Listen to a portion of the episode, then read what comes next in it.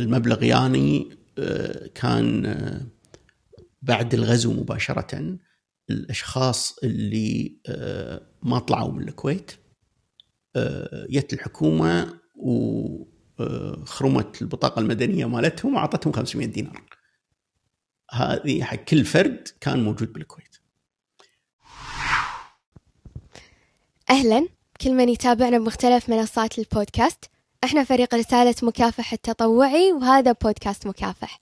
ضيفنا اليوم إبراهيم الكندري مدير الصندوق الوطني لرعاية تنمية المشاريع الصغيرة والمتوسطة سابقا. بهالحلقة راح نسولف عن وايد أشياء. نقدر نقول إن إحنا عندنا محورين أساسيين. الأول راح نسولف فيه عن تجارب الضيف تجارب عاشها وعاصرها بالإضافة إلى عدة مفاهيم وأفكار بشكل أو بآخر تتعلق بذوي الإعاقة أما المحور الثاني فراح يكون عن البزنس أكثر شيء عن الإبداع عن تأسيس الشركات وعن وايد أشياء. أهلا وسهلا إبراهيم. حياك الله جوري ومشكور على الاستضافة. ولو إن شاء الله يعني أنت أكيد ضيف خفيف علينا. بداية وضيف من العيار الثقيل جدا. وراح نسولف عن وايد أشياء. راح نرجع ورا أول شيء. نبي نسولف عن الجامعة. عن سالفة أو خلينا نقول قصة القبول بالجامعة. أول شيء. وليش يعني قررت تدرس تمويل؟ أه والله جوري أنا ما قررت أدرس تمويل في البداية نهائيا. أه أنا دخلت جامعة الكويت كنت ببالي أو يعني بعد ما تخرجت من الثانوية كان ببالي إني أبي أدرس هندسة. وكان ببالي إني بدرس هندسة صناعية مو لأن أنا أدري شنو هي الهندسة الصناعية. بس بقدر ما يعني هذا اللي ربعي قالوا لي إنه يعني آه لازم تدرس هندسة صناعية. آه في ذاك الوقت آه ما كان يقبلني أو ما كان في خلينا نقول ال ال النسبة اللي أنا جايبها بالثانوية ما كانت تقبلني بالهندسة الصناعية.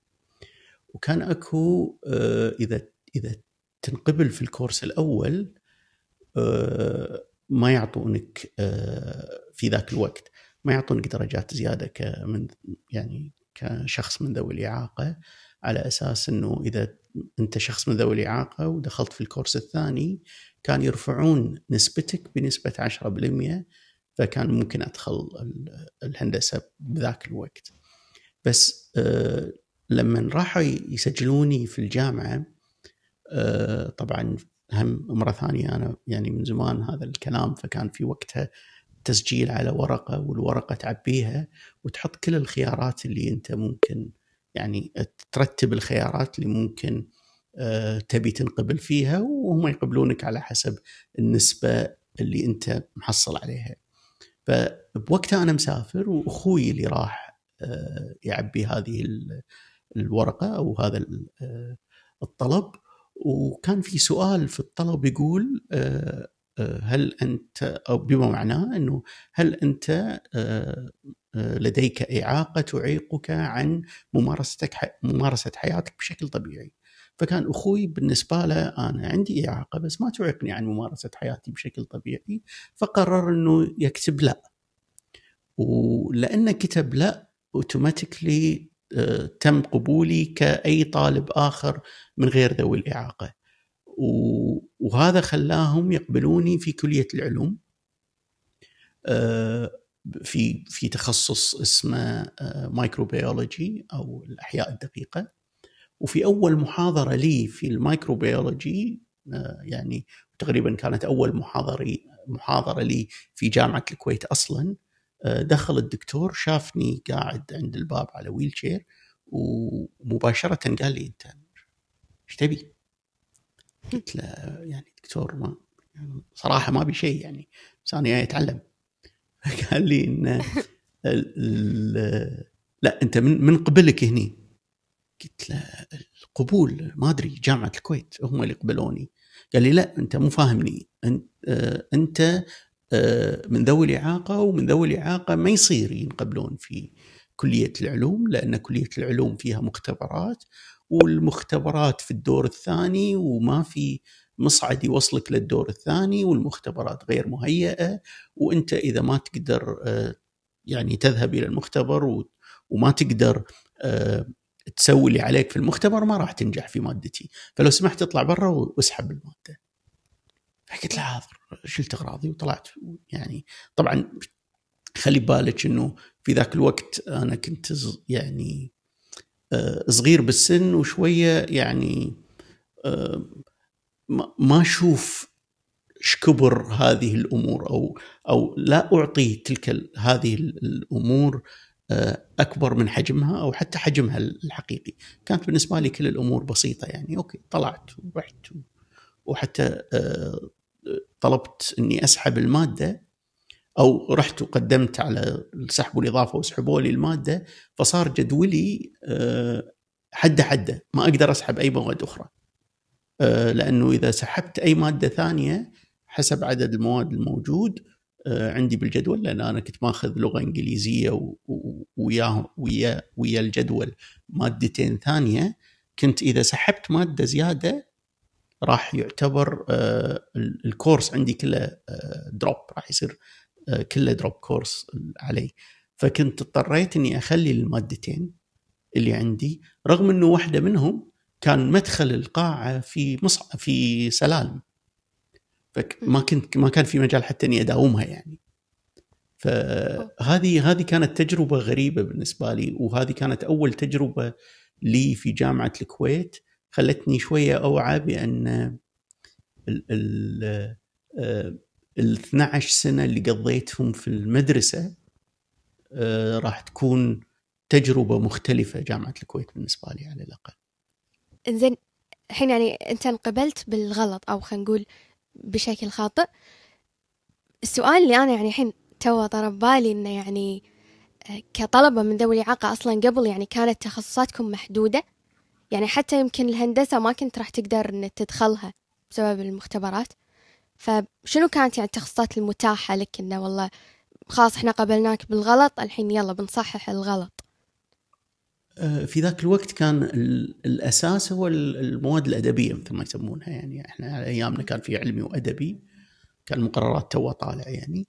بس كان في المواد أو خلينا نقول كل المقررات اللي اللي يقبلون فيها طلبة الادبي فعندك كلية الحقوق كانت تقبل أشخاص من ذوي الإعاقة، كلية الآداب، كلية التجارة، كلية التربية، الكليات العلمية اللي هي الطب في ذاك الوقت أعتقد كانت ما كلها الطب والهندسة والعلوم هي اللي ما تقبل الأشخاص من ذوي الإعاقة. وفي يعني يمكن ما ما كنت أول من قبل بتلك الكليات من الأشخاص من ذوي الإعاقة ولا كنت أول من رفض من تلك الكليات. يعني أنا ما ما ابي اذكر أسماء ولكن أنا أعرف أشخاص آه، قبلوا بنفس آه، بشكل أو بآخر لتجربة يعني مشابهة آه، قبلوا في كلية العلوم وتخرجوا من كلية العلوم رغم أنهم على على كرسي متحرك لأنهم رفضوا إنه يعني رفضوا إن يطلعون. يعني لما لما طلب منهم انه يحاولون رفضوا انه يطلعون أو يحاولون وعندي صديق لم يقبل آه، بكلية الطب لأنه هو من ذوي الإعاقة. و واستمر وسافر برا وتخرج طبيب يعني. هو هو اليوم يدرس في كلية الطب يعني. في نفس الكلية اللي رفضت تقبله كطالب.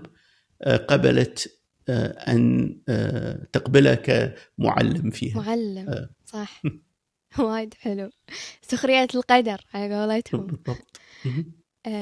زين يعني ذاك الوقت كان أغلب الطلبة من ذوي الإعاقة مثلا هو إذا تخرج من الثانوية شنو أول فكرة تدور بباله؟ يعني على طول مثلا كلكم دشيتوا جامعة الكويت تخرجتوا وبعدين وظيفة حكومية نفسنا يعني الحين هذا هو الفكر الدارج بيننا إحنا كأفراد. إنه دشوا جامعة بعدين تخرجوا وكذا كذا. وايد وايد ناس عندهم هال هالفكرة هذه. فهل قبل كان نفس الشيء ولا لا؟ ما كان الكل يكمل أو ما كان الكل يخلص جامعة. والله شوف ال... ال... أنت لما تدخل الجامعة أو على الأقل إحنا في في بعمرنا أنت كنت مو مطلوب إنك إنك تدخل جامعة يعني. ما يعني إذا ما دخلت الجامعة عادي. يعني أنت شخص من ذوي الإعاقة بالتالي إذا ما دخلت الجامعة تقدر تقعد بالبيت وماكو ماكو مشكلة يعني. ما في أي نوع من أنواع التوقعات آه، اللي اللي يمارسها خلينا نقول المجتمع. يمكن يمكن آه، يعني يفرق من من من أسرة لأسرة أكيد وكل أسرة لها خلينا نقول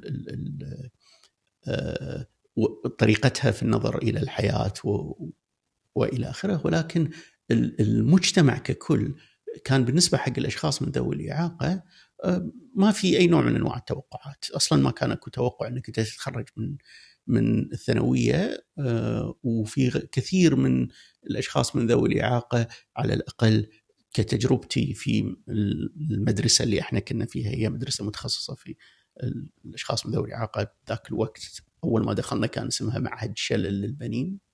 وبعدين غيروا الاسم شوية سووه أفضل وسموها مدرسة الرجاء على أيام اللي إحنا دخلنا الثانوية. بس آه، حتى حتى التعليم في تلك المدارس ما على الأقل هذه ملاحظة بالنسبة لي. ما كان آه، تعليم آه، مأخوذ بجدية. ويمكن أكبر دليل على ذلك هو إنه أنا لغاية الثالثه ثانوي اللي هو آه، في ذاك الوقت كانوا أربعة أربعة أربعة فلغاية ثالثة ثانوي آه، كنت يعني إذا مو الأول الثاني ونسبتي لا تقل عن 95% 90% آه، لما جينا برابعة ثانوي وكان ال ال الاختبار موحد على على مستوى الكويت لأن هي ثانوية عامة ولأن في ولا زال الاختبار اختبار الثانوية العامة آه، لا يطلع المعلم أو المصحح على مصحح الورقة على اسم الطالب اللي قاعد يصحح له وبالتالي ما يقدر يساعده ولا شيء. آه، اكتشفنا إيش كثر إحنا آه، خلينا نقول تعليمنا كان ضعيف. أنا نسبتي يعني تدنت من فوق ال 95 إلى ذاك الوقت منتصف الستينات يعني 67 كان كانت نسبتي. بالثانوية العامة. آه، إيه. يعني رغم إنه أنا ما ما يعني ما درست أقل يعني بالثانوية لما جينا آه، نقدم حق الثانوية العامة ما درست أقل بس يعني عشان نكون واقعي بعد ما درست أكثر يعني. لا لا ما كان ما, ما تعلمنا ولا تربينا داخل المدرسة إنه الامتحان شيء تشد حيلك عليه والى آخره، أنا ما تعلمت إن المفروض تدرس يوميا إلا بالجامعة يعني.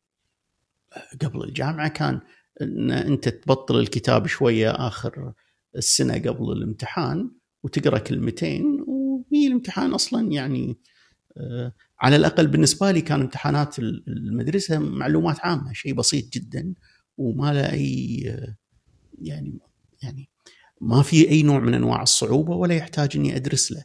ما اكتشفت إيش كثر هذا الكلام غير صحيح إلا بعد ما آه، يعني شفت آه، قدراتي في الثانوية العامة إنه أنا ما كنت آه، جاهز للثانوية العامة بالجاهزية المطلوبة ولا كنت لما دخلت الجامعة اكتشفت إيش كثر إذا ما تاخذ الأمور بجدية ما ما ممكن إنك أنت تمشي في الجامعة. أنا يمكن أبحرت في عملية الثانوية العامة وضعفها بس اللي كنت بقوله في النهاية إنه إحنا حقيقة لما دخلنا الجامعة آه، في غالبيتنا دخل الجامعة لأن هي التطور الطبيعي للأمور. يعني تتخرج من ثانوية إذا جبت نسبة تدخل الجامعة.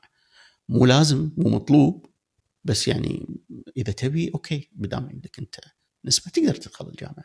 ما كان في فكر إنه okay وشو ليش بدخل الجامعة وشنو بسوي عقب الجامعة؟ هذا ما كان جزء من من تفكيرنا أساسا في ذاك الوقت. هي العملية مجرد إنك أنت تخرجت انقبلت بالجامعة. أه سألوك شنو تبي تدرس؟ فقلت أنا أبي أدرس أه إكس الشيء الفلاني سين من الأشياء. و, و, من غير ما تكون أنت فعلا فكرت في الموضوع أو أو اخترته وكان ميولك و... على الأقل هذه كانت تجربتي بالنسبة يعني تجربتي الخاصة. وكثير من الطلبة لأنهم دخلوا بهذا ال... بهذه ال... خلينا نقول آه، بهذه الروحية إلى الجامعة آه، لما اكتشفوا إيش كثر الجامعة صعبة.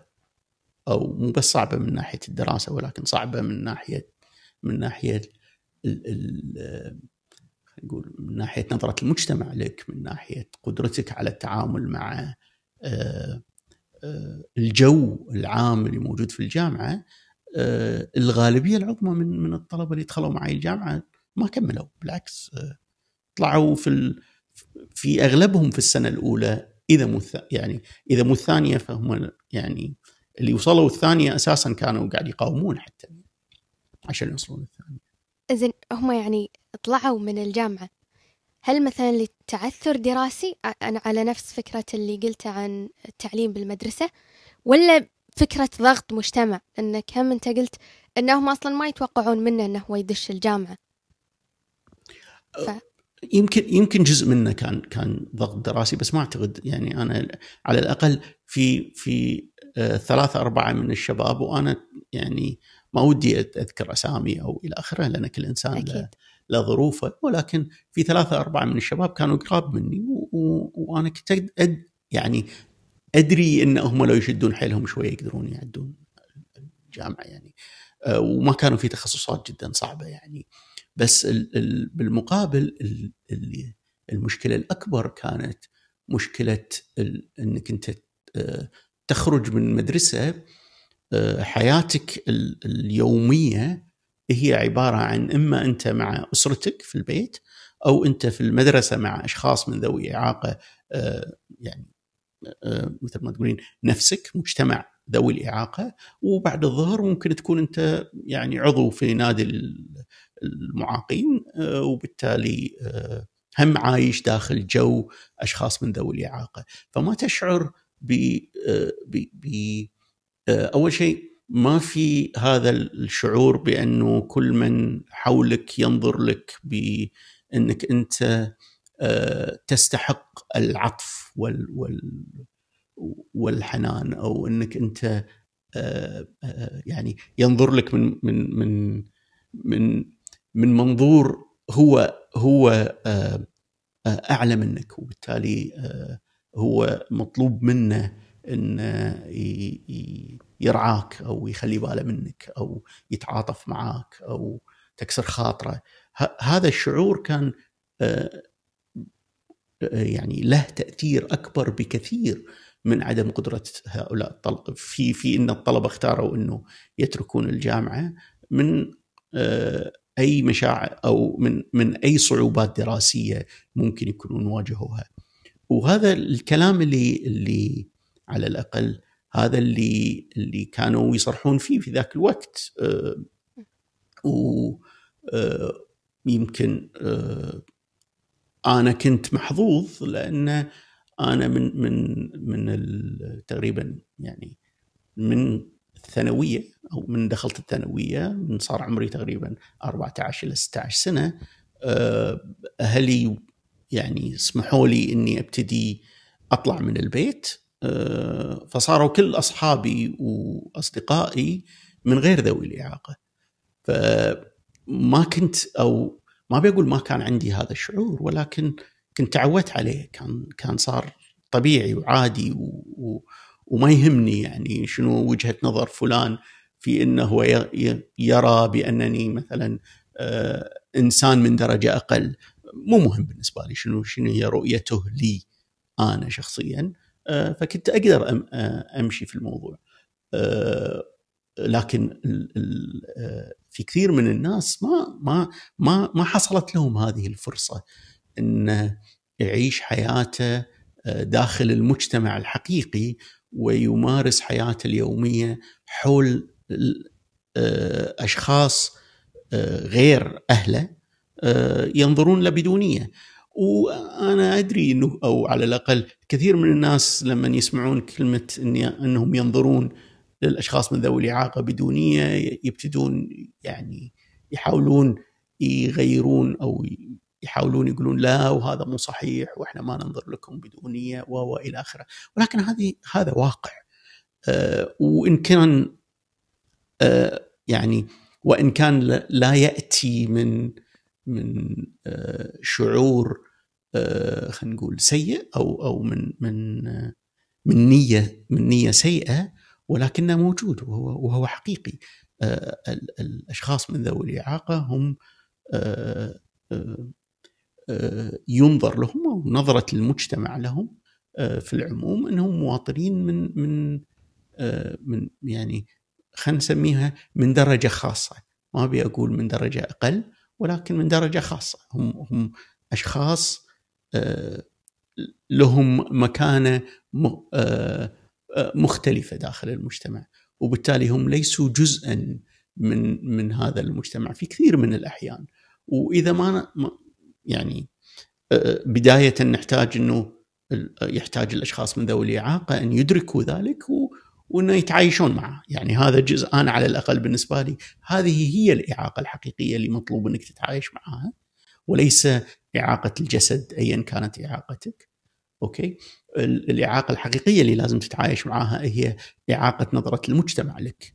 أه وفي المقابل نحتاج أه يعني هو أكيد ما هي عصا سحرية ونقدر نغير رأي المجتمع بشكل مباشر وبشكل أه سريع ولكن قد نحتاج إنه نقبل آه، إنه المجتمع سيأخذ وقت وقت آه، في إنه يتقبل إنه الأشخاص من ذوي الإعاقة هم أشخاص من ذوي قدرات مختلفة وبالتالي هم جزء من طيف وألوان هذا المجتمع وليسوا طفرة خارجة عن عن نطاقه. وهذه هي المشكلة الأساسية في المفاهيم على الأقل من وجهة نظري. بأنه ينظر للأشخاص من ذوي الإعاقة آه، على أساس إنهم آه، آه، إنسان إن خلينا نقول صار له ظرف معين واخترب في شيء أو انكسر في شيء. ولا ينظر للأشخاص من ذوي الإعاقة بأنه هو لا ما في ولا شيء ولكن جزء من تنوع البشرية إنه في ناس آه، قادرة تمشي على ريول وفي ناس تحتاج آه، عجلات إنها تمشي، في ناس قادرة آه، يعني تتحدث وتسمع بالصوت وفي آخرين قادرين أن يتحدثوا ويسمعوا بالإشارة والى آخره كل على حسب يعني الإعاقات المختلفة الموجودة في المجتمع. هذا هذا الموضوع ترى وايد وايد وايد لليوم إحنا نسولف فيه خصوصا يعني كطلبة جامعة. نسولف بهالموضوع ان ان مثلا الدكاترة ولا الطلبة ولا كذا. كنت دائما أقول انه عادي هو قال لك مثلا انه مثلا هذا أجر ولا الله يعني شكرا خلصنا. يعني في في ناس مثلا كبار بالسن وكذا. يعني يعني خلينا نقول إذا أنت مثلا تبي تناقش بشكل غير منهجي يمكن يمكن يضرك هالشيء أو إنه إنه ما تكون عملية التوعية هذه عملية واقعية فعلية. ففكرة إن إن نظرة المجتمع إذا أنت قدرت تتقبل يعني إن إن مثل ما أنت قلت إنك تتقبل إن مو كل الناس راح ينظرون لك نظرة إنك أنت إنسان عادي. وايد راح ينظرون لك نظرة العطف ونظرة الكذا. صعب صعب وايد ناس ينظرون على على فكرة أو على مبدأ فرديتك أنت كشخص من ذوي الإعاقة. ف يعني إي يعني وايد وايد صعب. ف وايد طلبة ما يقدرون ما ما قدروا إنهم يتعايشون. يعني اتفق خليني أقول لك إذا تسمحي لي جوري ب... إيه ذكرتيني بقصة صارت معي وأنا في الجامعة. أحد المدرسين أو الدكاترة اللي يدرسوني في في الجامعة آه، يعني في يوم من الأيام قبل المحاضرة كنت أنا وصلت آه، مبكر وهو آه، موجود والطلبة للحين ما وصلوا فقال لي إبراهيم يعني وكانت في علاقة يعني كانت بدأت تصير في علاقة شوية يعني خلينا نقول أكثر من مجرد طالب في محاضرة الدكتور يعني. فكان يقول إبراهيم ممكن أسألك سؤال؟ قلت له تفضل. قال لي ما تشعر بالغبن والغضب آه تجاه آه سواء المجتمع أو تجاه الله سبحانه إنه هو آه ما خلاك تكون نفس الأشخاص الآخرين. قلت له ما دكتور خذني على قد عقلي واسمعني وجاوبني خلني أسألك أنا. قال لي تفضل. قلت له أول ما تقوم من النوم شو تسوي؟ قال لي ما فهمت سؤالك. قلت له ما يخالف. أنت أول ما تقوم من النوم شو تسوي؟ قال لي يعني أول ما أقوم من النوم أغسل وجهي. قلت له بالضبط. ممكن لو سمحت دكتور توريني الحين تمثل لي شلون تغسل وجهك؟ فقال لي أشر لي يعني وهو يقول لي أفتح الحنفية وأحط ماي بإيدي وأرش على وجهي. قلت له لا مو صحيح دكتور. أول شيء تسوي قبل بعد ما تفتح الحنفية تشندس. وتظل مشندس طول فترة إنك تغسل وجهك. قال لي صحيح. قلت له أنا طول عمري المغسلة تصل إلى حد وجهي وبالتالي ما عمري كشندست عشان أغسل وجهي. وأعتقد لو إني كندست عشان أغسل وجهي ظهري راح يعورني. فأنا الحين بسألك دكتور ما تشعر بالغضب إنك أنت مضطر يوميا صباحا إنك تشندس وظهرك يعورك عشان تقدر تغسل وجهك؟ أنا بالنسبة لي هذا الأساس إنك أنت تنظر بأن كل واحد فينا عنده مجموعة ظروف مختلفة يعود أو يركب نفسه حولها يشعر في بعض الأحيان بأنها آه، يعني يتمنى أن يكون عنده آه، ظروف مختلفة على بعض الأشياء ولكن هذا لا يقلل من من جودة حياته لأنه هو ما عنده هذه الظروف. كشخص نفسه. ما أدري إذا واضحة الفكرة آه، جوري. وايد واضحة. حلو وايد حلو. إنزين نفس هذه الفترة آه، صار في شيء كذي وايد لفتني وايد حبيته لأن مكتب ذوي الإعاقة إحنا يعني استفدنا من خدماته وبعضها يعني تقريبا. بس ما أدري شلون هالمكتب هذا تأسس. فأنت عاصرت فكرة أو قصة تأسيس هالمكتب هذا. أنا استغربت أنه هو أنا كان عبالي أنه هو من وجدت الجامعة هو موجود. طلع لا. فشلون تأسس هالمكتب هذا؟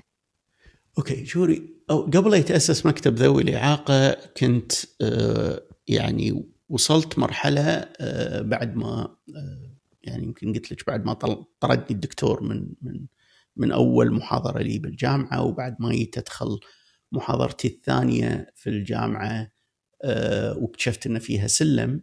ودريت الحين يعني حسب طبعا أصدقائي اللي حولي اللي بدأوا يشرحوا لي شنو نظام الجامعة بأنه أنا راح يكون معدلي جدا منخفض في نهاية الكورس لأني راح أكون آه، المواد اللي عندي راح اكون سقطت بواحدة منهم يعني.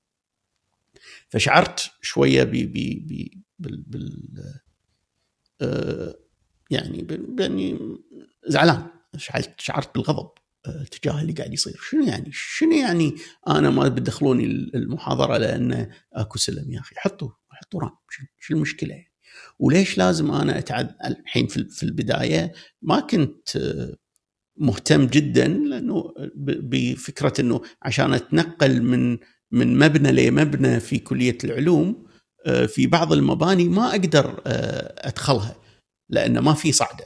فأضطر إني ألف أطلع برا بالشارع وأرد أدخل من من مدخل ثاني في في كلية أو من مدخل آخر عشان أقدر أوصل. فكان بالنسبة لي هذا طبيعي ما يخالف يعني إحنا في مجتمع مثل المجتمع الكويتي الأمور غير مهيئة وطالما أنا لقيت لي آه يعني مثل ما تقولين حل حق الموضوع راح يعني راح أتعامل مع الموضوع بشكل طبيعي. إلا إنه بذاك الوقت بديت أعصب إنه لحظة يا جماعة يعني الحلول المطلوبة بسيطة. فبوقتها آه، بديت خلينا نقول آه، أتواصل مع أصدقاء آه، بالكلية من ذوي الإعاقة وأطلب منهم إنه يا جماعة لازم يعني لازم نطالب ببعض الأشياء المنطقية على الأقل يعني كلش كلش يحطوا لنا مصعد في مكان معين يحطوا لنا صعدة بالدخلة فسوينا اجتماع في ذاك الوقت أنا أتذكر الاجتماع الأول كان في أكثر من 30 شخص من ذوي الإعاقة حضروا الاجتماع الأول.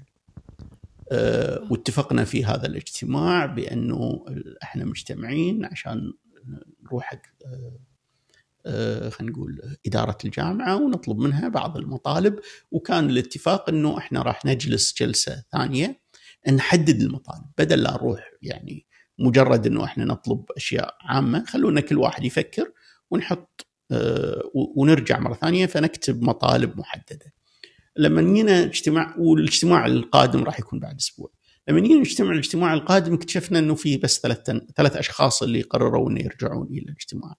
البقية كلهم قرروا إنه لا إحنا ما نبي ندخل في هذا الاجتماع وما نبي نسوي أي شيء لأنه إحنا قبلنا في العاد في في آه، في الجامعة آه، من خلال آه، يعني أعطونا عشر درجات زيادة لما انقبلنا.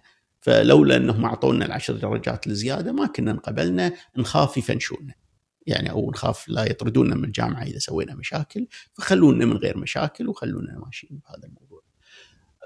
بذاك الوقت مرة ثانية يعني تذكر إحنا كنا 18 سنة يعني فالمجموعة الثلاث أشخاص اللي قعدنا قلنا لا يعني كيفكم أنتم ما تبون إحنا نبي. فرحنا وقدمنا ورقة حق في ذاك الوقت كان آه، حق مدير الجامعة. طبعا ما دخلونا على المدير في ذاك الوقت.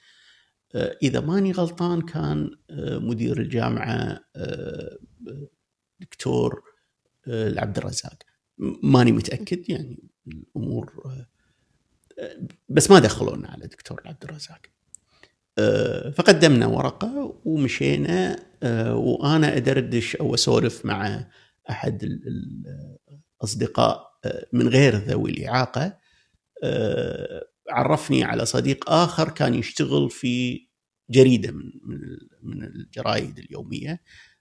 مرة ثانية الموضوع جدا قديم فما أتذكر يا إما الأنباء يا إما السياسة يا إما واحدة من من هذه الجرايد فقرر يسوي ويانا إحنا كمجموعة يسوي ويانا مقابلة. وتم نشر هذه المقابلة في الجريدة. هذه المقابلة كانت أعتقد اللي حركت ال ال آه، ما أبي أقول حركت الإدارة الجامعية، أنا أعتقد اللي نبهت الإدارة الجامعية بأنه آه، إذا إذا نبي نصير جامعة آه، يعني تحترم نفسها على الأقل لازم يكون عندنا إدارة يكون هدفها أو أو على الأقل قسم يكون هدفه آه، إيجاد حلول للأشخاص من ذوي الإعاقة لمن إحنا نقبلهم في الجامعة حق آه، حلول يعني متعلقة ب خلينا نقول التحديات اللي راح يواجهونها آه، بسبب عدم خلينا نقول عدم سهولة وصول الطلبة في الجامعة أو عدم وجود عدم تصميم الجامعة بشكل ملائم آه، لقبولهم بدام قبلناهم خلونا على الأقل نساعدهم في إن يعدون هذه العوائق اللي إحنا حاطينها آه، أمامهم آه، مو لأن إحنا نقصد ولكن لأنها عوائق لأن إحنا ما فكرنا في الموضوع من قبل. فهذه كانت بداية أو أو فكرة شلون تأسس المكتب. وبهذاك الوقت أسسوه على طول كمكتب مختص ولا مثلا بدأوا بإجراءات معينة وتسهيلات أو خلينا نقول حطوا أشياء ممكن إنها رام أو غيره إنه يساعد والله يعني هم في شوية رامب بكلية العلوم لأن مثل ما قلت لك أنا كنت طالب بكلية العلوم في وقتها أي. وأنا يعني عشان أكون صريح حتى مع نفسي أنا عجبتني سالفة إني أنا أكون آه، آه، ناشط و, و آه، يعني آه، ولسان طويل وشباب عمري 18 سنة والناس تسمعني وعجبتني هذه يعني آه، يعني فصرت ما انتظر يعني okay عقب ما سوينا المقابلة لم انتظر الآخرين فقلت okay رحت دخلت على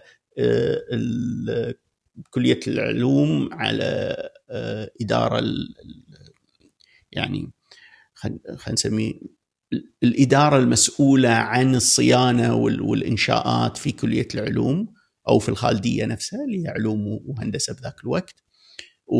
وحدد وسحبت المدير من إيده ومشى معاي ما قصر. وريته قلت له حط لي هني رامب حط لي هني رامب وياب حديدة وياب عمال وسووا رامب.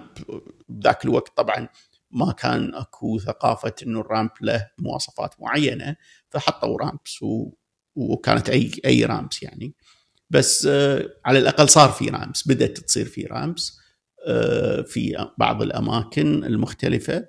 بس بنفس الوقت بدأ يصير إنه طيب okay حتى لو حطيتوا ramps الحين بتخلص بيخلص ال course أه وأنا ما أقدر أكمل في هذه الكلية فشنو ال ال الخطوة القادمة يعني يعني الحين بي بيدخل علي التسجيل مال الكورس الثاني شنو المواد اللي لازم أسجلها بالكورس الثاني؟ فهني شوية أه بلشت فكرة إنه خليني أدور لي كليه أه أقل أه تحديا خلينا نقول من, من ناحية العوائق. مو تحديا من ناحية الدراسة ولكن تحديا من ناحية العوائق. فكان فوقع الاختيار على كلية التجارة بالعدلية لأنها كانت أكثر مهيئة لأن كان في أسانسير وكانت كان مدخلها في ناحية في واحد من المداخل يعني فلات ما ما تحتاج أي مساعدة ولا رامبس ولا شيء. فهذه كانت شلون انتقلت من من كلية العلوم إلى أو قررت هني هني ما انتقلت هني بس قررت إنه أنا راح انتقل إلى كلية التجارة. بس يعني أخذ وقت على ما انتقلت إلى كلية التجارة بعدها. وايد حلو. بنفس هالفترة أو بعدها شوية كذي كان لك تجربة تقديم تلفزيوني. ف وكان فيها بعد سالفة ويا خلينا نقول ال wheelchair وسالفة انه إنك كناش كناشط أو شيء من هالقبيل. فنبي نسولف عن هالتجربة ونرجع بعد على سالفة الفردية. أه، أوكي تجربة الدخول إلى تلفزيون الكويت كانت أه، شوية قدام يعني تقريبا بعد ما تخرجت من الجامعة. الجزء اللي تكلمنا عنه في الجامعة هو جزء صار أصلا حتى قبل قبل الغزو قبل غزو الكويت العراق على يعني الغزو العراقي على الكويت. بعد الغزو صار في لي نشاط بالجامعة. شوية مختلف يعني لا علاقة أكثر ب القوائم الطلابية والانتخابات وبديت أكتب بعض المقالات وبعدين بديت أدير في فترة من الفترات صرت رئيس تحرير مجلة اللي يسمونها مجلة رابطة كلية التجارة والاقتصاد والعلوم السياسية. هذه كلها أهلتني بأن أو خلينا نقول عرضتني هذه التجربة عرضتني لفكرة إنه يمكن الإعلام يكون شيء أبي أخوضه يعني. وحتى أنا أتذكر في ذيك الفترة بديت اخذت مادتين في كانت توها كلية الإعلام بلشت فخذيت مبادئ إعلام لمجرد إني يعني مرة ثانية يمكن يمكن هذا يكون ميل أو شيء أكون خلينا نقول أميل إليه. يعني صديق وطلب مني في قبل التلفزيون جاني صديق وقال لي إيش رأيك يعني نسوي أنا معاك بالصيف ما عندنا شغل وأنت مسافر؟ قلت له لا والله ماني مسافر. قال إيش رأيك نسوي برنامج بالإذاعة؟ في إذاعة جديدة اسمها إذاعة الشباب والرياضة ويبون برامج فإيش رأيك نسوي برنامج حق إذاعة الشباب والرياضة؟ قلت له يعني ما سويت برنامج من قبل بس يلا okay نسوي برنامج حق إذاعة الشباب والرياضة. فشنو البرنامج اللي نسويه حق إذاعة الشباب والرياضة؟ فقررنا نسوي برنامج اسمه آه إذا ماني غلطان ذاكرة رياضية شيء كذي يعني أو مفكرة رياضية. فأخذنا مفكرة رياضية وجبنا شوية كتب تتكلم عن تاريخ الرياضة في الكويت وبدينا ناخذ نلخص وناخذ فقرات ونقعد قبل التسجيل بربع ساعة أقول له شوف أنت تقرأ اللقطه وأنا أقرأ الفقره وأنت تقرأ الفقره ونسجل لمدة نص ساعة وصار عندنا برنامج. وهذا البرنامج قاعد تقريبا ثلاث ثلاث أشهر يعرض على في إذاعة الكويت. مباشرة بعد دخلنا في خلصنا هذا المفكرة الرياضية. تعلمنا الحين شوية إنه والله الإذاعة في في شيء حق الإذاعة نقدر نسوي. فسوينا برنامج آخر سميناه وقفة مع الشباب. ووقفة مع الشباب كانت فكرته إنه إحنا نشوف شنو الأحداث اللي قاعد تدور في المجتمع سواء كانت سياسية أو اجتماعية أو ونختار إحداها ونروح نقابل طلبة في الجامعة ونقول لهم إيش رايكم في هذا الحدث. وشلون يعني شنو تعليقكم على هذا الحدث؟ عشان أكون يعني صريح كنا نختار منو نسأل لأنه كان عندنا خلينا نقول هذه فكرة إنه أنا أبي أوصل رسالة معينة بس ما أبي أقولها على لساني عشان لا يقولون إنه أنت قاعد تقول هذا الكلام وأنت بتوصل فكرة هني أو فكرة هني. قمنا لا إحنا بدل لا نقول هذه الفكرة نختار الأشخاص اللي إحنا ندري شنو ممكن يقولون ونخليهم هم يقولون الفكرة بحد ذاتها. هذه هذا البرنامج ما, ما نجح مو ما نجح أوقف من قبل إذاعة الكويت لأنه كان شوية مستوى خلينا نقول مستوى الحرية في البرنامج أعلى من مستوى الحرية اللي اللي تقبلها في ذاك الوقت إذاعة الشباب والرياضة. وإذاعة الشباب والرياضة أصلا سكرت بعدها بفترة بسيطة. وطلب مني أو أو جاني أحد الأصدقاء وقال لي إيش رأيك بالتلفزيون؟ كانت فكرة التلفزيون يعني أنا كنت الحين خذت تجربة الإعلام و... وما ما ما, ما لقيت نفسي إنه أنا يعني أوكي تجربة حلوة ولكن يعني مو هذا المستقبلي. ولكن فكرة إني أقدم برنامج بالتلفزيون هي فرصة على الأقل هذا اللي دار في في بالي في ذلك الوقت هي فرصة إني أوصل رسالة كانت دائما في بالي لما الناس تقول لي أو لما الناس تتعاطف معاي فتقول لي إنه يعني كل شخص من ذوي الإعاقة جبار وشوف دليلك طه حسين. فكنت دائما أرد عليهم وأقول لهم طه حسين عبقري سواء كان فاقد البصر أو لم يكن فاقد البصر. وفقد البصر لا يجعله أكثر عبقرية ولا يجعله أقل عبقرية. والظلم في الموضوع إنه إحنا نضع هكذا حمل على كل شخص من ذوي الإعاقة بأنه أنت إذا ما كنت طه حسين ما يصير تكون أنت إنسان طبيعي لأن هذا هذا هذا حلم على حلم على أو حمل على كتف هذا الشخص راح يكون يعني حمل حمل ثقيل جدا إنه أنا لازم أكون مثل طه حسين. فكانت الفكرة إنه طيب ليش الشخص من ذوي الإعاقة ما يكون مجرد وجه جميل؟ ليش الشخص من ذوي الإعاقة ما يكون مجرد دم خفيف؟ ليش الشخص من ذوي الإعاقة ما يكون مجرد شكل يعني ديكور مثل ما كثير من الناس موجود موجودين وعايشين في حياتنا هم يعتبرون ديكورات يعني تكملة عدد. فليش ما يكون هذا الشخص من ذوي الإعاقة؟ يكون ناجح في إنه يكون ذلك. فقررت إنه خليني أخوض التجربة من هذا المنظور.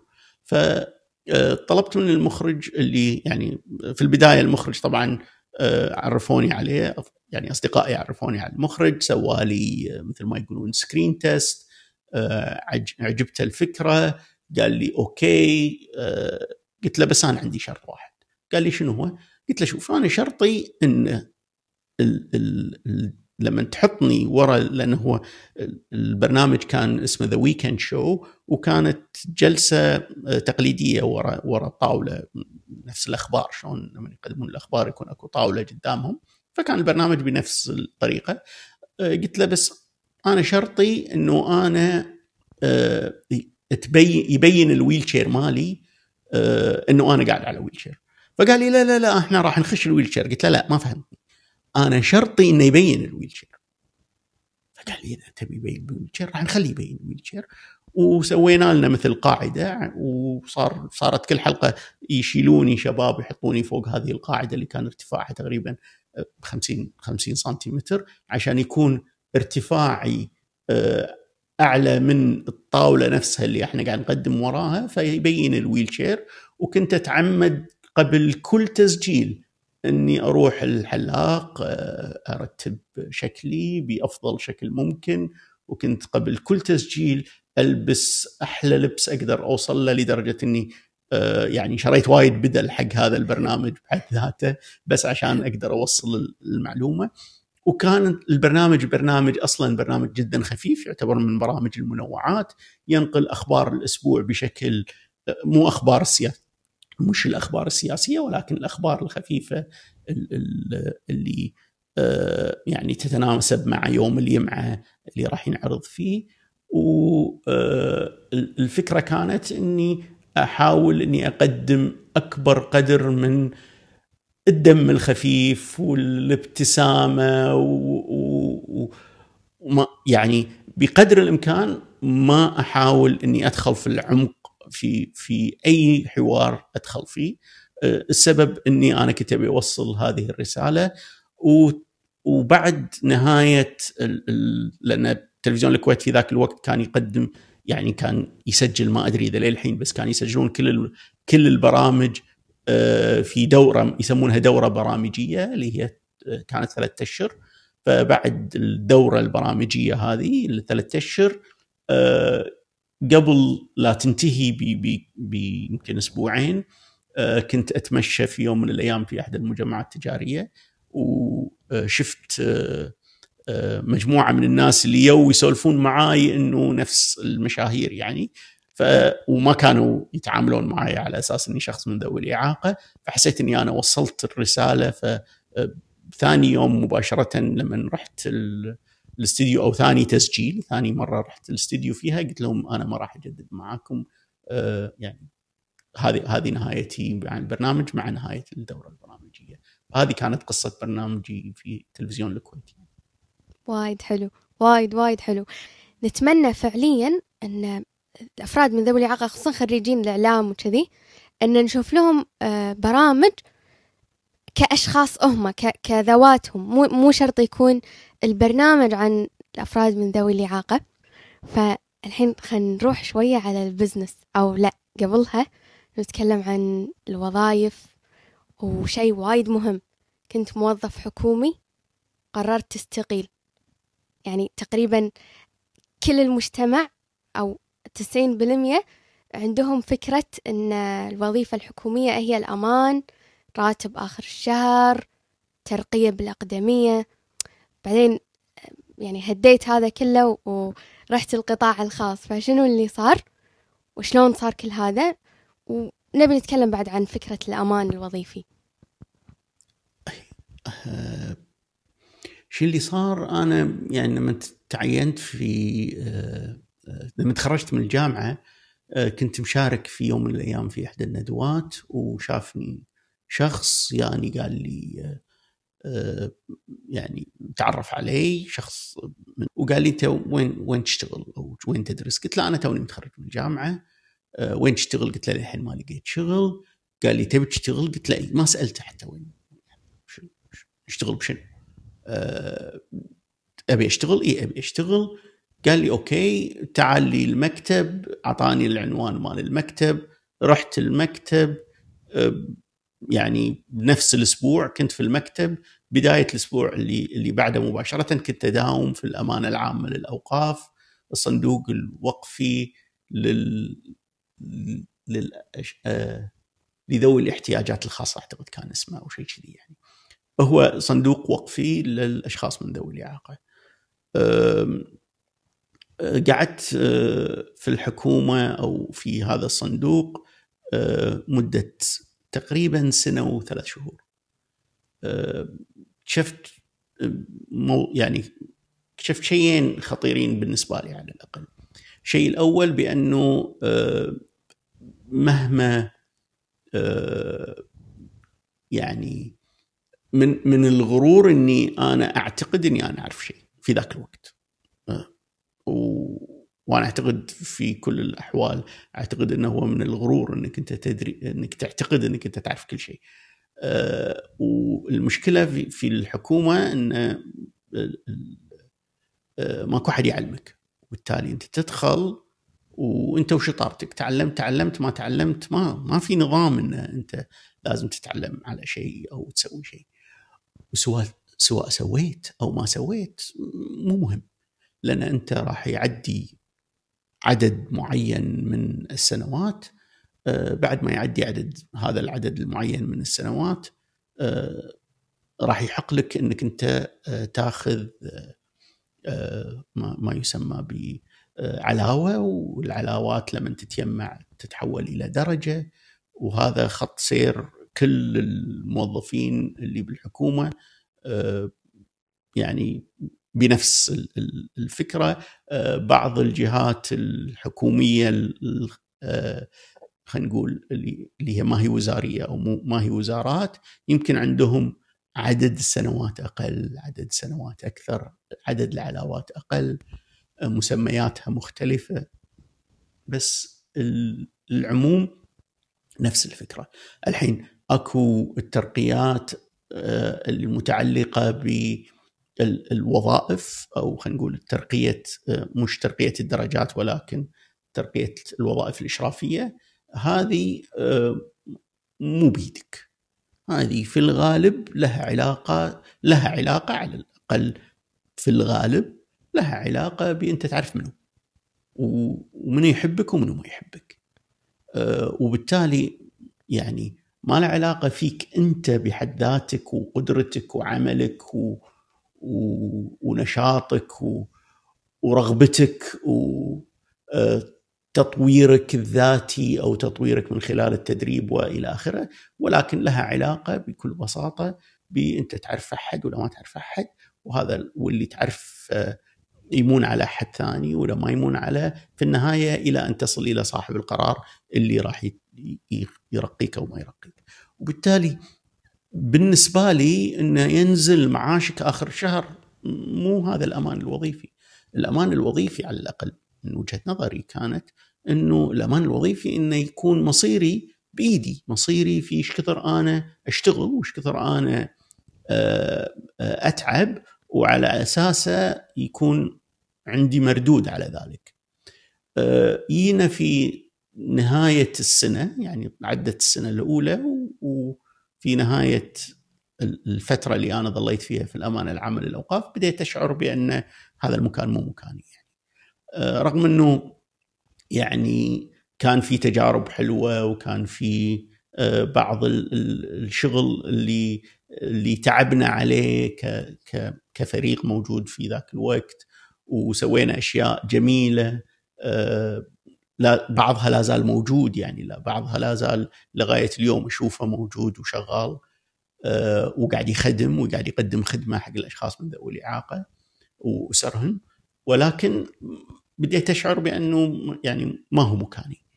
فقررت أنه آه، أقدم على وظيفة آه، قريت عنها بالجريدة بهذه البساطة. كنت يوم من الأيام فاتح الجريدة شفت إعلان آه، عن عن شركة تطلب موظفين. الإعلان حتى ما كان فيه مكتوب لا أجانب ولا كويتيين ولا ولا ولا بس مجرد إعلان لطلب وظائف. فعلى حسب الشروط الموجودة وهذا انطبقت علي شروط رحت قدمت. آه، في المقابلة الأولى آه، طبعا الشركة كانت شركة آه، محمد حمود الشايع.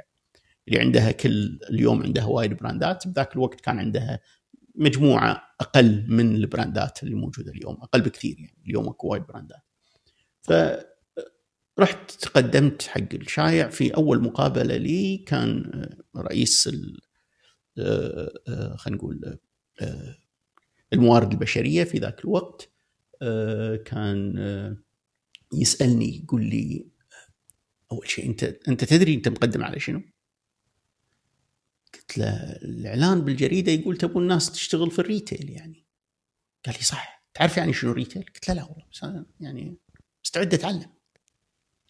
قال لي ال retail هو تجارة التجزئة يعني يعني بيع وشراء ال ال يعني البضائع بالسوق. قلت له جميل. عندي استعداد. قال لي يعني لو حطيناك بمحل تبيع عندك استعداد تبيع؟ إذا هذا المكان اللي راح أتعلم فيه أنتم أخبر. وبالتالي مكان ما بتحطوني بروح وبسوي. آه، أخذ وقت الموضوع ردوا اتصلوا فيني عشان لا نطيل العملية. في النهاية تم قبولي. آه، في شهر اثنين إذا ماني غلطان في شهر اثنين 97 آه، كنت طلعت من قدمت استقالتي من الأمانة العامة للأوقاف وداومت.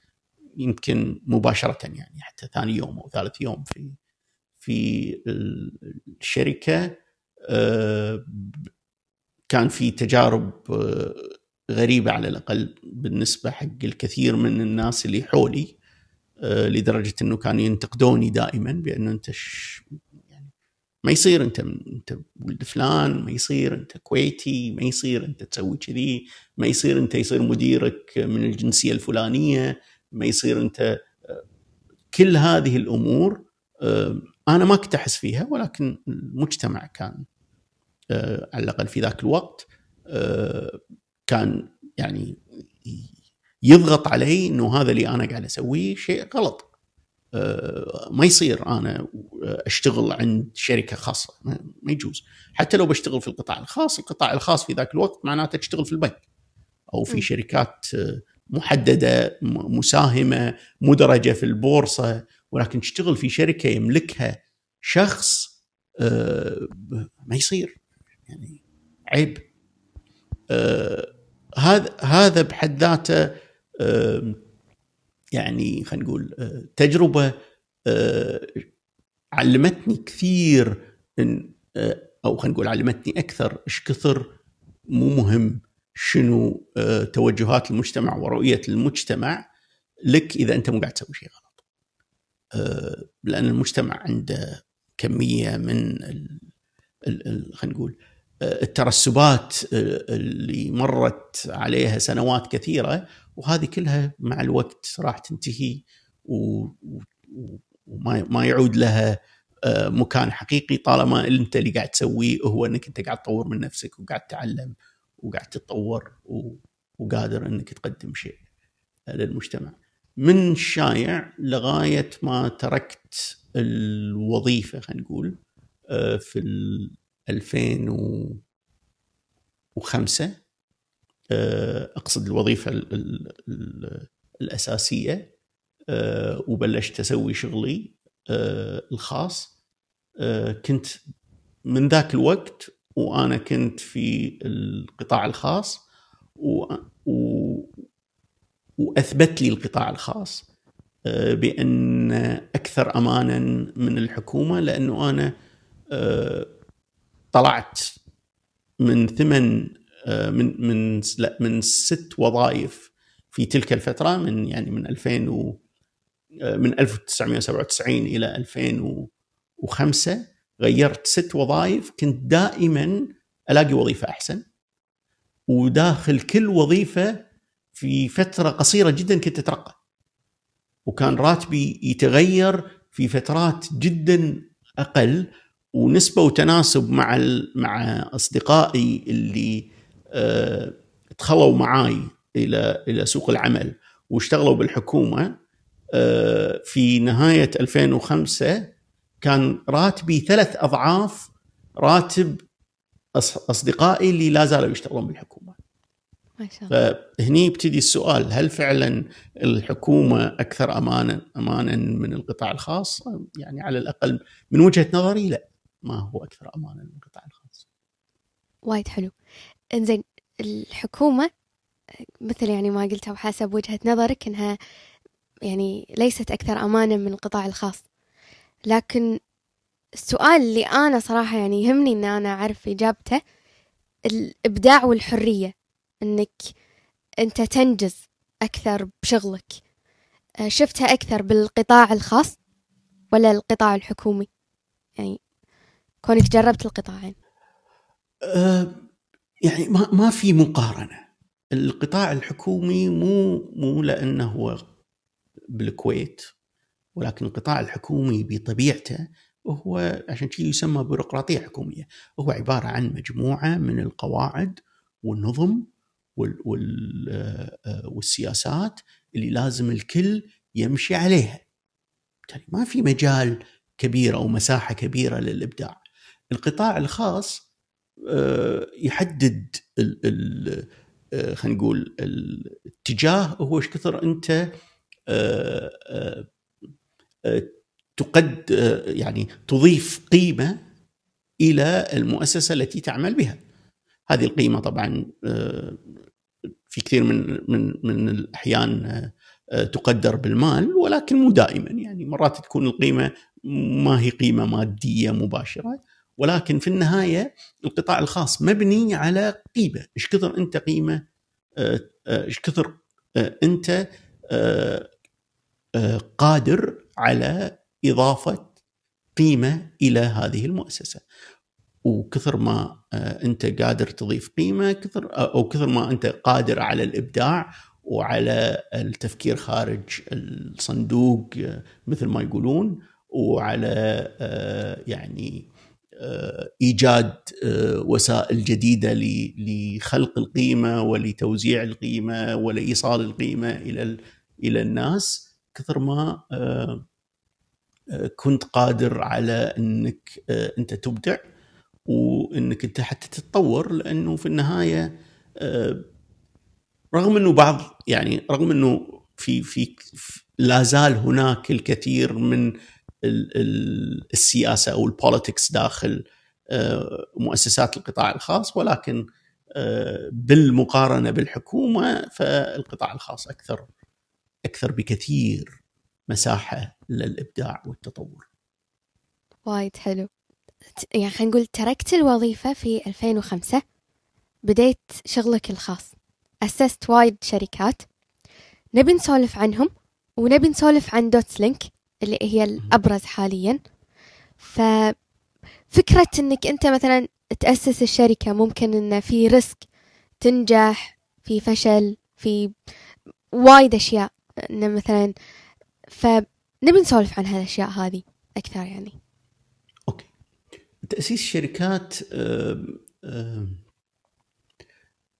كان كانت الفكرة في البداية يعني أنا ما بلشت اسس شركات لما طلعت من من من الوظيفة. يعني حقيقة أنا بلشت اسس شركات حتى من أيام يعني أول خلينا نقول أول نشاط تجاري سويته ما كان في شركة ولكنه كان نشاط تجاري سويته كان كنت لازل طالب في الجامعة. وكان عندي مبلغ بسيط نسبيا يعني متجمع من من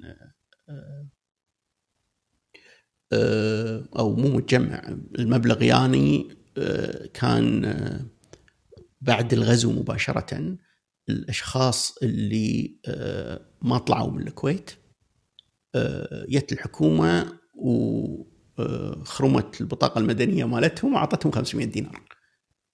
هذه حق كل فرد كان موجود بالكويت. ففي ال 500 دينار هذه آه، أنا و, آه، آه، يعني هو أقرب إنسان لي وهو ولد أختي بس هو من من عمري يعني أنا ولد أختي نفس العمر. قررنا إنه نحطهم مع بعض وإنه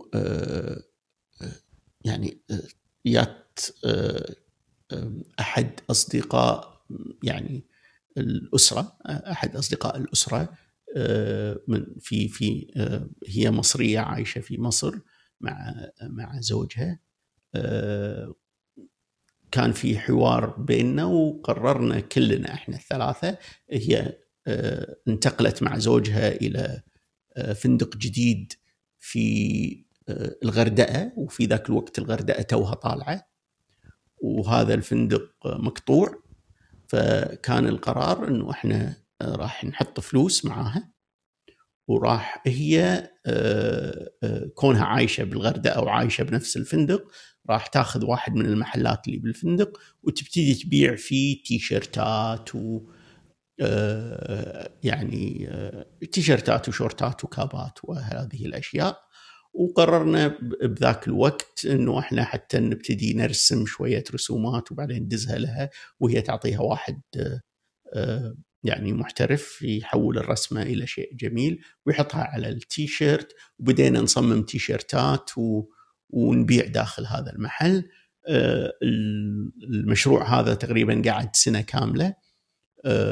وكان في متعة غير طبيعية لمن يعني ندز لها التصاميم وبعدها بأسبوعين ثلاث نشوف هذه التصاميم على تي شيرت ومعلق داخل المحل فنشعر بذلك الإنجاز الكبير. المهم في الموضوع إنه خلال سنة كانوا قرروا هي وزوجها إنه يرجعون القاهرة فقرروا يسكرون المحل. وبس آه، آه، رجعت لنا فلوسنا زائد آه، ضعفهم. يعني كنا ربحنا 100% من من هذا المشروع. هذا كان أول مشروع سويته. ثاني مشروع سويته كان حتى مع مجموعة من الأصدقاء سوينا مؤتمر أو مو مؤتمر معرض في سوريا وكانت تجربة شوية غريبة. آه، بس هم آه، خضنا هذه التجربة بسوريا وسوينا المعرض وطلعنا لا ربحانين ولا خسرانين. يعني كانت تجربة مجرد يعني خلينا نقول ضيعنا وقتنا ورجعنا للأسف يعني. آه، فكانت تجربة فاشلة. تخرجت من الجامعة أنا طبعا بعد فترة الأمانة العامة للأوقاف وإلى آخره آه، بلشت مرة ثانية أفكر شنو أقدر أقدم أو شنو أقدر أسوي آه، في الوقت القليل اللي عندي لأن أنا مشتغل بالقطاع الخاص ما يعود عندك وقت كبير إنك أنت يعني تشتغل. بس آه، أسست أو خلينا نقول ما بقول أسست لأن ما رحت حتى وزارة التجارة ولا شيء بس صار عندي اسم آه، وكان تو مبلش الإنترنت فسويت لي آه، آه، خلينا نقول domain واسست أول شركة بالنسبة لي من غير ما مرة ثانية لما أقول أسست ما ما اسستها في وزارة التجارة ولكن اسستها بيني وبين نفسي وقررت وسويت لي لوجو وسويت لي كروت وقمت أحاول إني أجيب customers على أساس إني أنا عندي شركة استشارات كمبيوتر. لأن أنا من من وأنا صغير وايد آه، أحب الكمبيوتر وايد آه، آه، يعني أتعامل مع الكمبيوتر. فكانت الفكرة إنه أنا أشير على الناس شلون يسوون أو يعني شنو الطريقة اللي يسوون فيها website بذاك الوقت كان يعني إنه يكون عندك أنت website يعني أنت كشخة.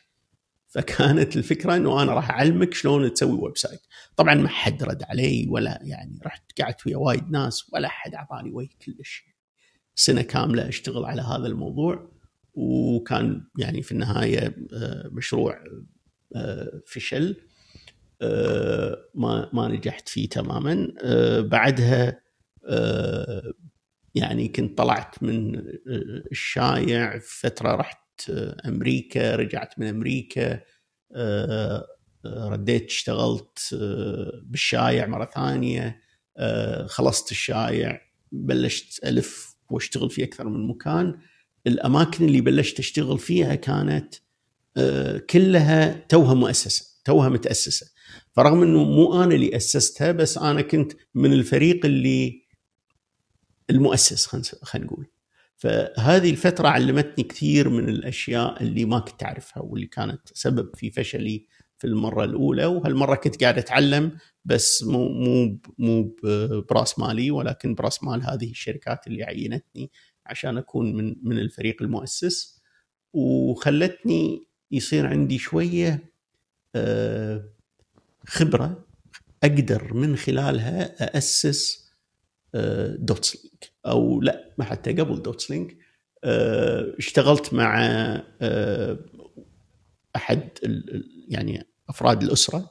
آه، يعني واحد يصير ولد عمتي وزوجته على تأسيس صالون نسائي. واشتغلنا مع بعض على تأسيس صالون نسائي وعلى إنه نفتح مجموعة خلينا نقول محلات لبيع المكياج آه،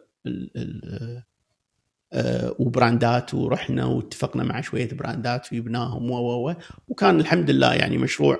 هذا كان أول تجربة ناجحة آه، نقدر نقول إنها تجربة ناجحة ويعني طلعت منها والحمد لله لا زال المشروع ناجح ولا زال الصالون قائم و... وهم ما شاء الله عليهم شطار بعد بس أنا طلعت من عندهم لأن يعني حسيت إنه ما يعني مو تخصصي مو مكاني يعني ما في البداية لما تأسس كان عندي شيء أضيفه بس خلاص عقب ما تأسس المشروع ووقف على ريوله ما عاد عندي أي إضافة في النهاية صالون نسائي حسب القانون الكويتي حتى ممنوع إني أدخل الصالون فما أقدر أدير مشروع وأنا مو, مو قادر أدخل داخل يعني. فقررت بوقتها إني أنا وصديق آخر شريك إن نتشارك ونأسس دوتس لينك دوتس لينك تأسيسها كان في حقيقة كنت للحين موظف؟ كان في 2003 تأسست دوتس لينك حاولت إني يعني أجمع ما بين الوظيفة وال والشركة واكتشفت إنه يعني جدا صعب. وانتقلت في 2005 قدمت استقالتي وبلشت دوتس لينك وكان أول عميل لي في دوتس لينك هو الشركة اللي أنا كنت أشتغل فيها. هم أول من اتصل فيني وقال لي أوكي الحين أنت طلعت وسويت لك شركة استشارات. تعال يا أخي وساعدنا في شغلنا عن طريق إنك أنت آه يعني خلنا عملاك ولا لا تهدنا. وهذه كانت البداية مع دوتس لينك واو. وكملت دوتس لينك لليوم موجودة. إيه إن شاء الله دوتس لينك رغم كل, كل الظروف إيه؟ اللي مرت فيها مرينا فيها بالكويت يعني على الأقل أنا جدا فخور إنه إحنا قدرنا نستمر كل هذه السنوات على الرغم من كل الظروف اللي قاعد نمر فيها. يعني. صح. إن شاء الله تستمر. إلى أبد الآبدين. إن شاء الله يا رب ما تتوقف. في بعد تجربة تستحق نوقف عندها قبل الصندوق. رحت درست ماجستير تنفيذي برا الكويت ست شهور. هذه صارت لما كنت في الشايع في نهاية 99 آه القصة شوية غريبة. أنا كنت آه في 99 آه عندي صديق آه آه يعني التقي فيه بشكل آه دوري على طول. آه هو آه صديق أمريكي وكان يعتقد أو أو يحاول يضغط علي إني أروح أكمل دراستي. وأنا كنت أقول له إنه يعني يعني نسبتي بالجامعة ما راح يعني ما حد راح يقبلني إني أروح أكمل دراستي يعني. وبيني يعني وبيني وبين نفسي ما كنت متحمس حق الموضوع يعني. فلما قال لي من كثر ما هو ضغط علي عشان أفتك منه قررت إني أقدم. لمجرد انه يعني أقدم فأرفض فلما يجيني مرة ثانية يفتح وياي الموضوع أقول له يبا حاولت يعني ما قبلوني خلاص. فقدمت على آه، وتعمدا آه، دخلت على سويت search وطلعت شنو أكثر أعلى ثلاث جامعات آه، في مجال يعني في مجال دراسة الأعمال. يعني أكثر ثلاث كليات أعمال في أمريكا في ذاك الوقت صعبه الدخول إليها. وقدمت عليها لأنه أنا هدفي إني ما انقبل فقدمت على هارفرد قدمت على ستانفورد وقدمت على بيركلي. على أساس إنه أنا ما راح أقبل يعني. وهذول كان عندهم كلهم ثلاثتهم برامج آه، قصيرة المدة يعني مو ما هي برامج آه، ماجستير كامل اللي فيه نظري وعملي وتقعد سنتين وإلى آخره ولكن هي برامج آه، ستة أشهر وتسعة أشهر وإلى آخره فقدمت عليها. عدت القصة الأيام بعد ما قدمت ووريت صديقي اللي يحن وايد قلت له شوف ها ترى قدمت وخلصنا. فيا صديقي في يوم من الأيام كنا بشهر 12 في ذاك الوقت آه، بداية شهر 12 وكان زايرني بالبيت فيسألني يقول لي إيش صار؟ قلت له ما صار شيء ما حد رد علي قال لي ما يصير قلت له إي والله ما حد رد علي قال لي ما يصير بأمريكا يردون حتى لو. مو يعني حتى لو مقابلينك يردون يقولون مقابلينك قلت له زين شو الحل؟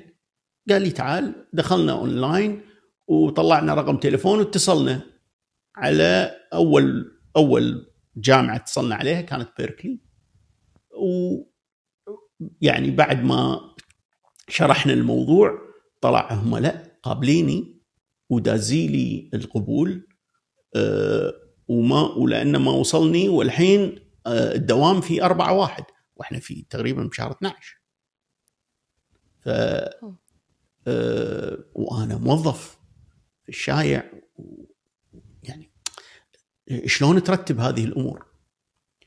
فطبعا إن يقبلونك بيركلي ما تساءلت حتى ليش قبلتوني يعني, يعني إن يقبلونك بيركلي لا تفكر وايد خلاص تروح.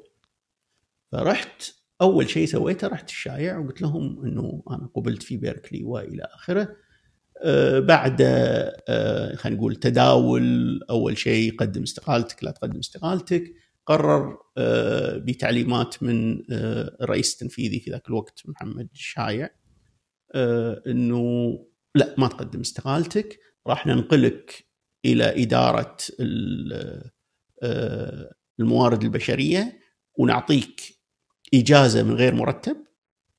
روح ادرس خلص وارجع لنا لأن إحنا نبيك.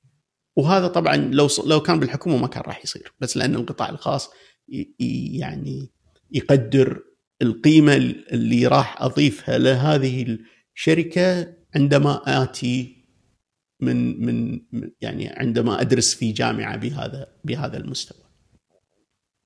رجعت آه يعني رجعت البيت آه حتى أهلي كانوا شوية آه ما, ما كانوا متحمسين لأن يعني شنو تروح تدرس في ديرة غربة وأنت على ويل شير ولا عمرك رحت آه درست بروحك؟ شنو التجهيزات اللي أنت راح تسويها وشنو؟ فكانت كان رد ردي على الأهل لأن أنا كنت اتخذت القرار إني أنا رايح بأنه أنا قاعد يعني أنا جاي أقول لكم إنه أنا رايح أنا مو جاي أستأذنكم إني بروح. أنا رايح. وحجزت تذكرة حجزت فندق أه، تواصلت مع شركة عن طريق الإيميل عشان توفر لي أه، ويل شير كهربائي في ثاني يوم من وصولي إلى الفندق. وما كنت أدري إنه راح راح يصير هذا الشيء أو ما راح يصير هذا الشيء ولكن ما فكرت كثيرا يعني.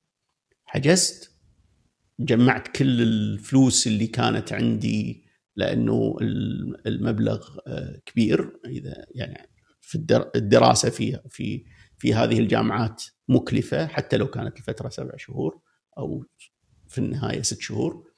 آه، ولكن آه، رحت. الموضوع كان مرعب. نعم مرعب. ولكن كان رجعت ما صار شيء الحمد لله. زين بنفس هال... هالوقت هذا رحت أمريكا جربت الغربة بروحك. في شيء وايد متداول عندنا إنه أو أمريكا كخدمات وكذا حق ذوي الإعاقة شيء وايد كبير ووايد آه، في اختلاف عن الكويت وكذي والكل وده يروح والكل وده يجرب. فعطنا انطباعك عن هذه الفترة أو بهذاك الوقت وعن طبيعة الخدمات حق ذوي الإعاقة هناك.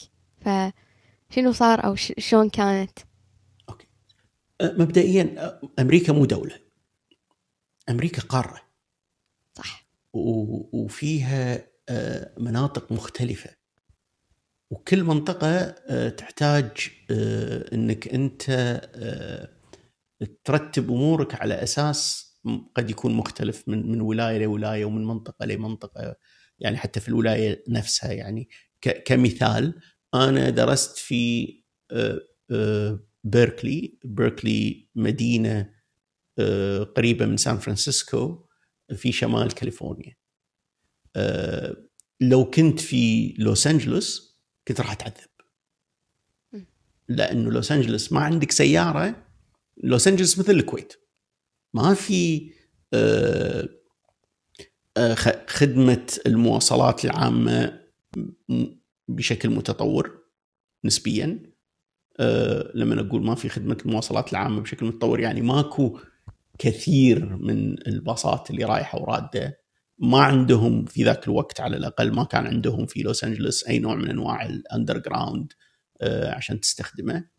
آه، في المقابل بيركلي آه، مدينة صغيرة محصورة آه، تقريبا ثلاث أرباع المدينة هي الجامعة أصلا. فبالتالي أي مكان أنت ساكن أنت ساكن يم الجامعة لأن الجامعة ماخذه أغلب المدينة أصلا. كل شيء تقدر تخلصه مشي فلما كنت أنا على ال خلينا نقول الكرسي الكهربائي كنت قادر على إني أوصل لكل مكان في بيركلي بكل بساطة وإذا احتجت أروح أي مكان أبعد كان الباصات متوفرة آه، وفيها آه، خلينا نقول آه، يعني سهولة الدخول للباص والخروج من الباص وبالعكس أنا كنت يعني أنحرج إني أمر قدام موقف الباص لأنه إذا في ما إذا في باص شافك وهو جاي وأنت ماريا موقف الباص راح يوقف وراح ينزل سائق الباص ويفتح لك الباب عشان تركب. يعني هم لهالدرجة يعني متحمسين إنه يساعدونك في في إنك تستخدم هذه وسيلة المواصلات. وبالتالي ما يعني من من ناحية سهولة الوصول ما ما واجهتني أي نوع من أنواع المشاكل في بيركلي. السكن في بيركلي كان على الأقل تجربة مثيرة للاهتمام لأن لما قعدت أدور سكن كان كان شبه مستحيل ماني لاقي شيء مناسب. إني أستأجر فيه وأنا قاعد بفندق. أنا رايح على حسابي ما أقدر أقعد طول الفترة بالفندق لأن الفندق تكلفته وايد عالية مقارنة بالميزانية اللي أنا أقدر أدفعها أو اللي أقدر أعيش فيها.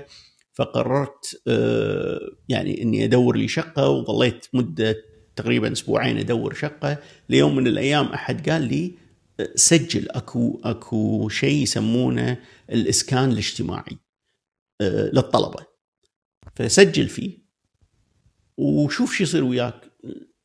لما سألت عنه قالوا لي لا هذا يعني في waiting list وتقعد لك شهرين قصدي سنتين وثلاث على ما يجي دورك. بس إنه يعني أنا مو خسران شيء خليني أروح أسجل.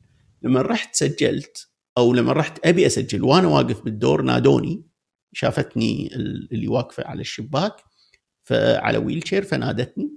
رحت لها قالت لي ليش جاي؟ يعني شو تدور علي؟ قلت لها واحد اثنين ثلاثة.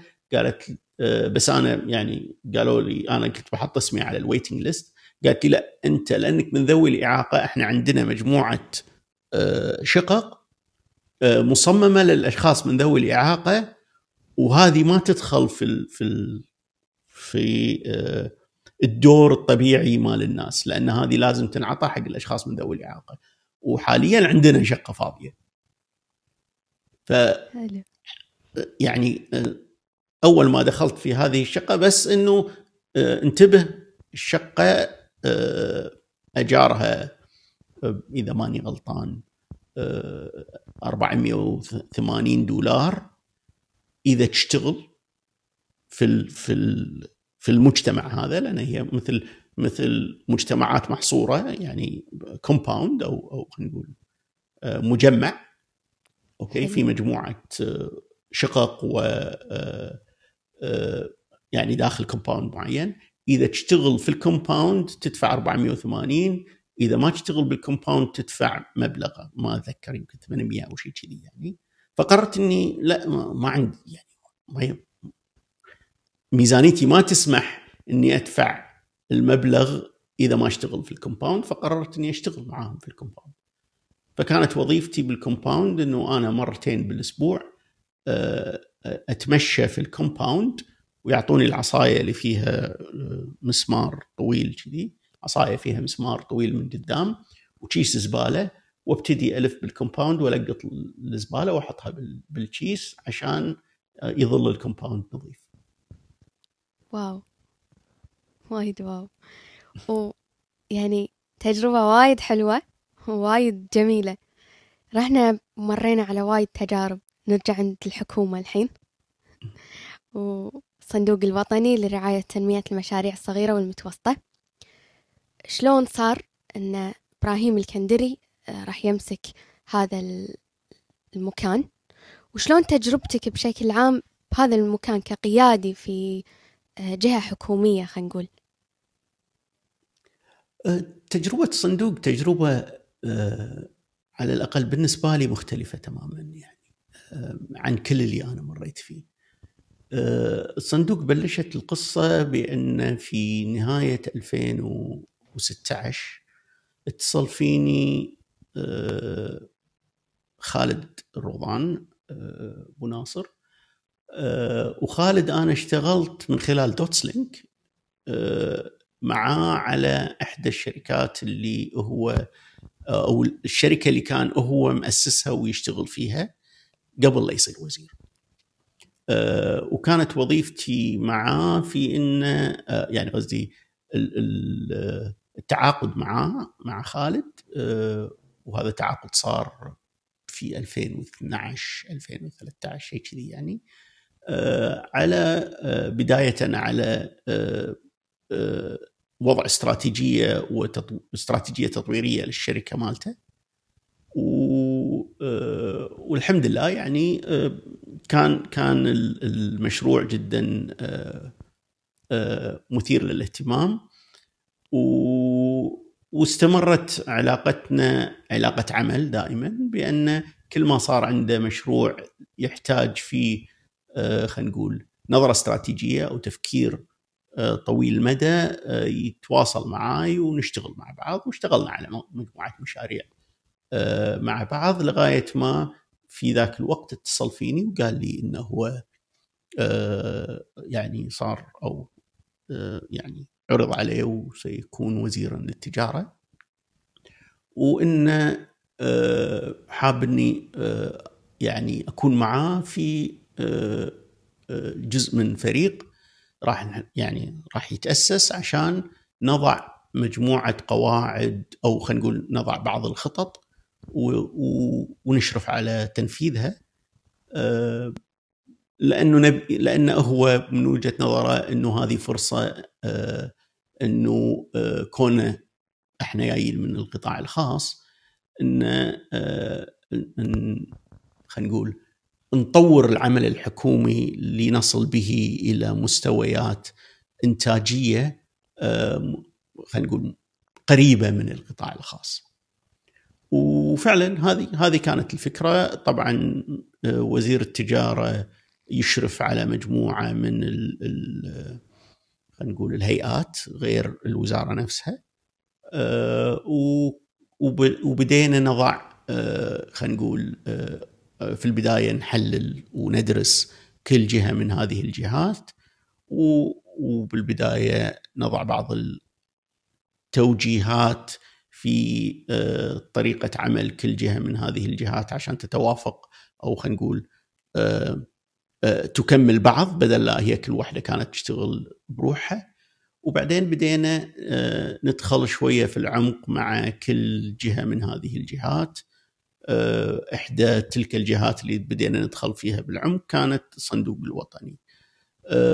طبعا في في بداية في أول ما بدينا ندخل في العمق في الصندوق الوطني صارت فكرة تغيير الإدارة التنفيذية بالصندوق الوطني فتغيرت الإدارة التنفيذية بالصندوق الوطني ويبنى إدارة جديدة لإدارة الصندوق هذه الإدارة الجديدة كان عندها أو وضعنا لها خلينا نقول هدف محدد وهو أن يتم تغيير القانون اللي يقوم عليه الصندوق في ذاك الوقت. قانون الصندوق انه يتم تغيير بعض المواد وفعلا هذه الإدارة يعني نجحت في ذلك في فترة قياسية تعتبر وغيرت مجموعة كبيرة من مواد القانون لتفتح المجال للصندوق إنه يتطور. دخلت الإدارة يعني مع نهاية أو مع تحقيقها لهذا الهدف قرروا الأشخاص اللي كانوا في الإدارة على الأقل الشخص الرئيسي اللي كان رئيس مجلس الإدارة والرئيس التنفيذي في ذاك الوقت قرر إنه يقدم استقالته ويركز على عمله. كونه هو حقق الهدف المطلوب منه. آه، فطلب مني آه، كوني من الأشخاص اللي كنت قريب جدا من المشروع نفسه أني يعني أستلم زمام الأمور في الصندوق عشان أكمل نقول المشروع يعني انتقل بالمشروع إلى إلى المرحلة الثانية. بس يعني لما دخلت دخلت في خلينا نقول رغبة صادقة على الأقل داخليا بأنه كنت مؤمن جدا بأن هناك إمكانية يعني إن لدي القدرة إني أحقق اللي أنا ببالي واللي وضعنا الخطة عليه. بس لما دخلت في الصندوق اكتشفت إنه أن أن تدير مؤسسة حكومية في الكويت في الأوضاع الحالية اللي إحنا عايشين فيها هو يحتاج قدرات تختلف عن القدرات اللي يملكها. ما ما أبي أقول إنه شبه مستحيل. أنا مو من طبعي إني آه، أكون متشائم ولكن أنا لا أنا شخصيا لا أملك القدرة إني آه، آه، أدير مؤسسة حكومية مثل الصندوق الوطني. يعني في مؤسسات حكومية أسهل بكثير من الصندوق الوطني. الصندوق الوطني بحد ذات بذاته عنده مشكلة عنده مشكلة كبيرة في انه هو صندوق أسس لأنه يقدم أو يوزع فلوس. وبالتالي الناس تعتقد إن آه، العملية آه، عملية توزيع أموال. آه، وتعتقد إنه هذا حقها. وتعتقد إنه هو مو مطلوب منها إن يعني إن هي تنجح في أعمالها وهي مطلوب منها إنها تجرب يعني كل واحد يعني إن ناخذ فلوس ونروح نجرب نلعب فيهم صارت صارت ما صارت آه، ما ما تفرق كل واحد آه، يعني حكومة يسقطون باكر عنا القروض وكل شيء يصير تمام كل شيء يصير زين. آه، طبعا مو الكل هناك بعض الأشخاص اللي موجودين بالصندوق أو اللي خلينا نقول اللي أخذوا دعم من الصندوق وكانوا ناجحين جدا في أعمالهم. ولكن يعني أنت اللي اللي تقد أنا مو قاعد أتكلم عن من ينجح ومن ومن يفشل في أعماله أنا قاعد أتكلم عن أنه الغالبية من الأشخاص اللي يتقدمون إلى الصندوق ما ما يفكرون بعمق بإن شنو شنو هذه التجربة اللي راح يخوضونها ولا عندهم أي نوع من أنواع ال ال آه، الشعور بأن آه، هم قاعد يأخذون مخاطرة معينة. آه، هم يعتقدون بأن الصندوق وجد لإنهاء هذه المخاطرة المتعلقة بالأعمال التجارية.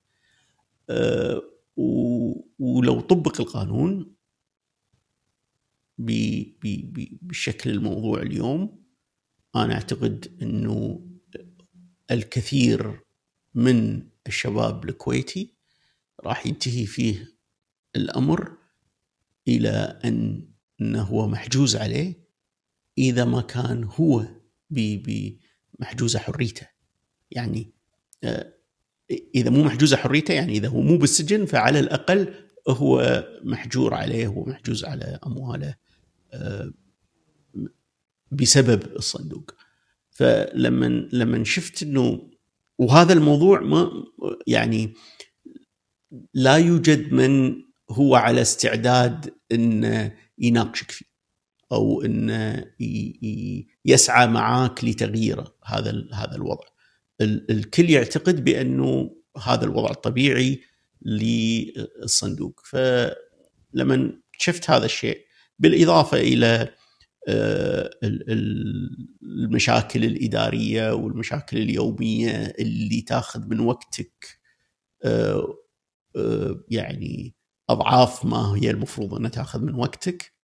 اكتشفت إنه يعني العملية يعني أنا ماشي في طريق أنا بطبعي ما أعرف ما اطبق القانون وبالتالي راح أكون سبب في إني آه، قد أظلم أشخاص كثيرين فقررت إنه يعني لا أريد أن أتحمل هذه المسؤولية.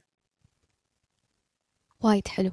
طبعا فكرة الرحلة الطويلة اللي عشناها وياك بهالحلقة والتجارب أنا عن نفسي استمتعت جدا جدا جدا أشكرك جدا شكرا لوقتك وشكرا على كل شيء آه نورتنا. كنا مستمتعين وياك. وشكرا كل اللي تابعنا واستمع يعطيكم العافية. نشوفكم إن شاء الله بحلقة ثانية. شكرا أستاذ إبراهيم. شكرا جوري وشكرا لكل اللي مستمعين. وإذا ثقلنا عليكم ف سامحونا وإذا قصرنا سامحونا على القصور. لا والله ضيف خفيف وممتع وراقي جدا. شكرا لك. شكرا جدا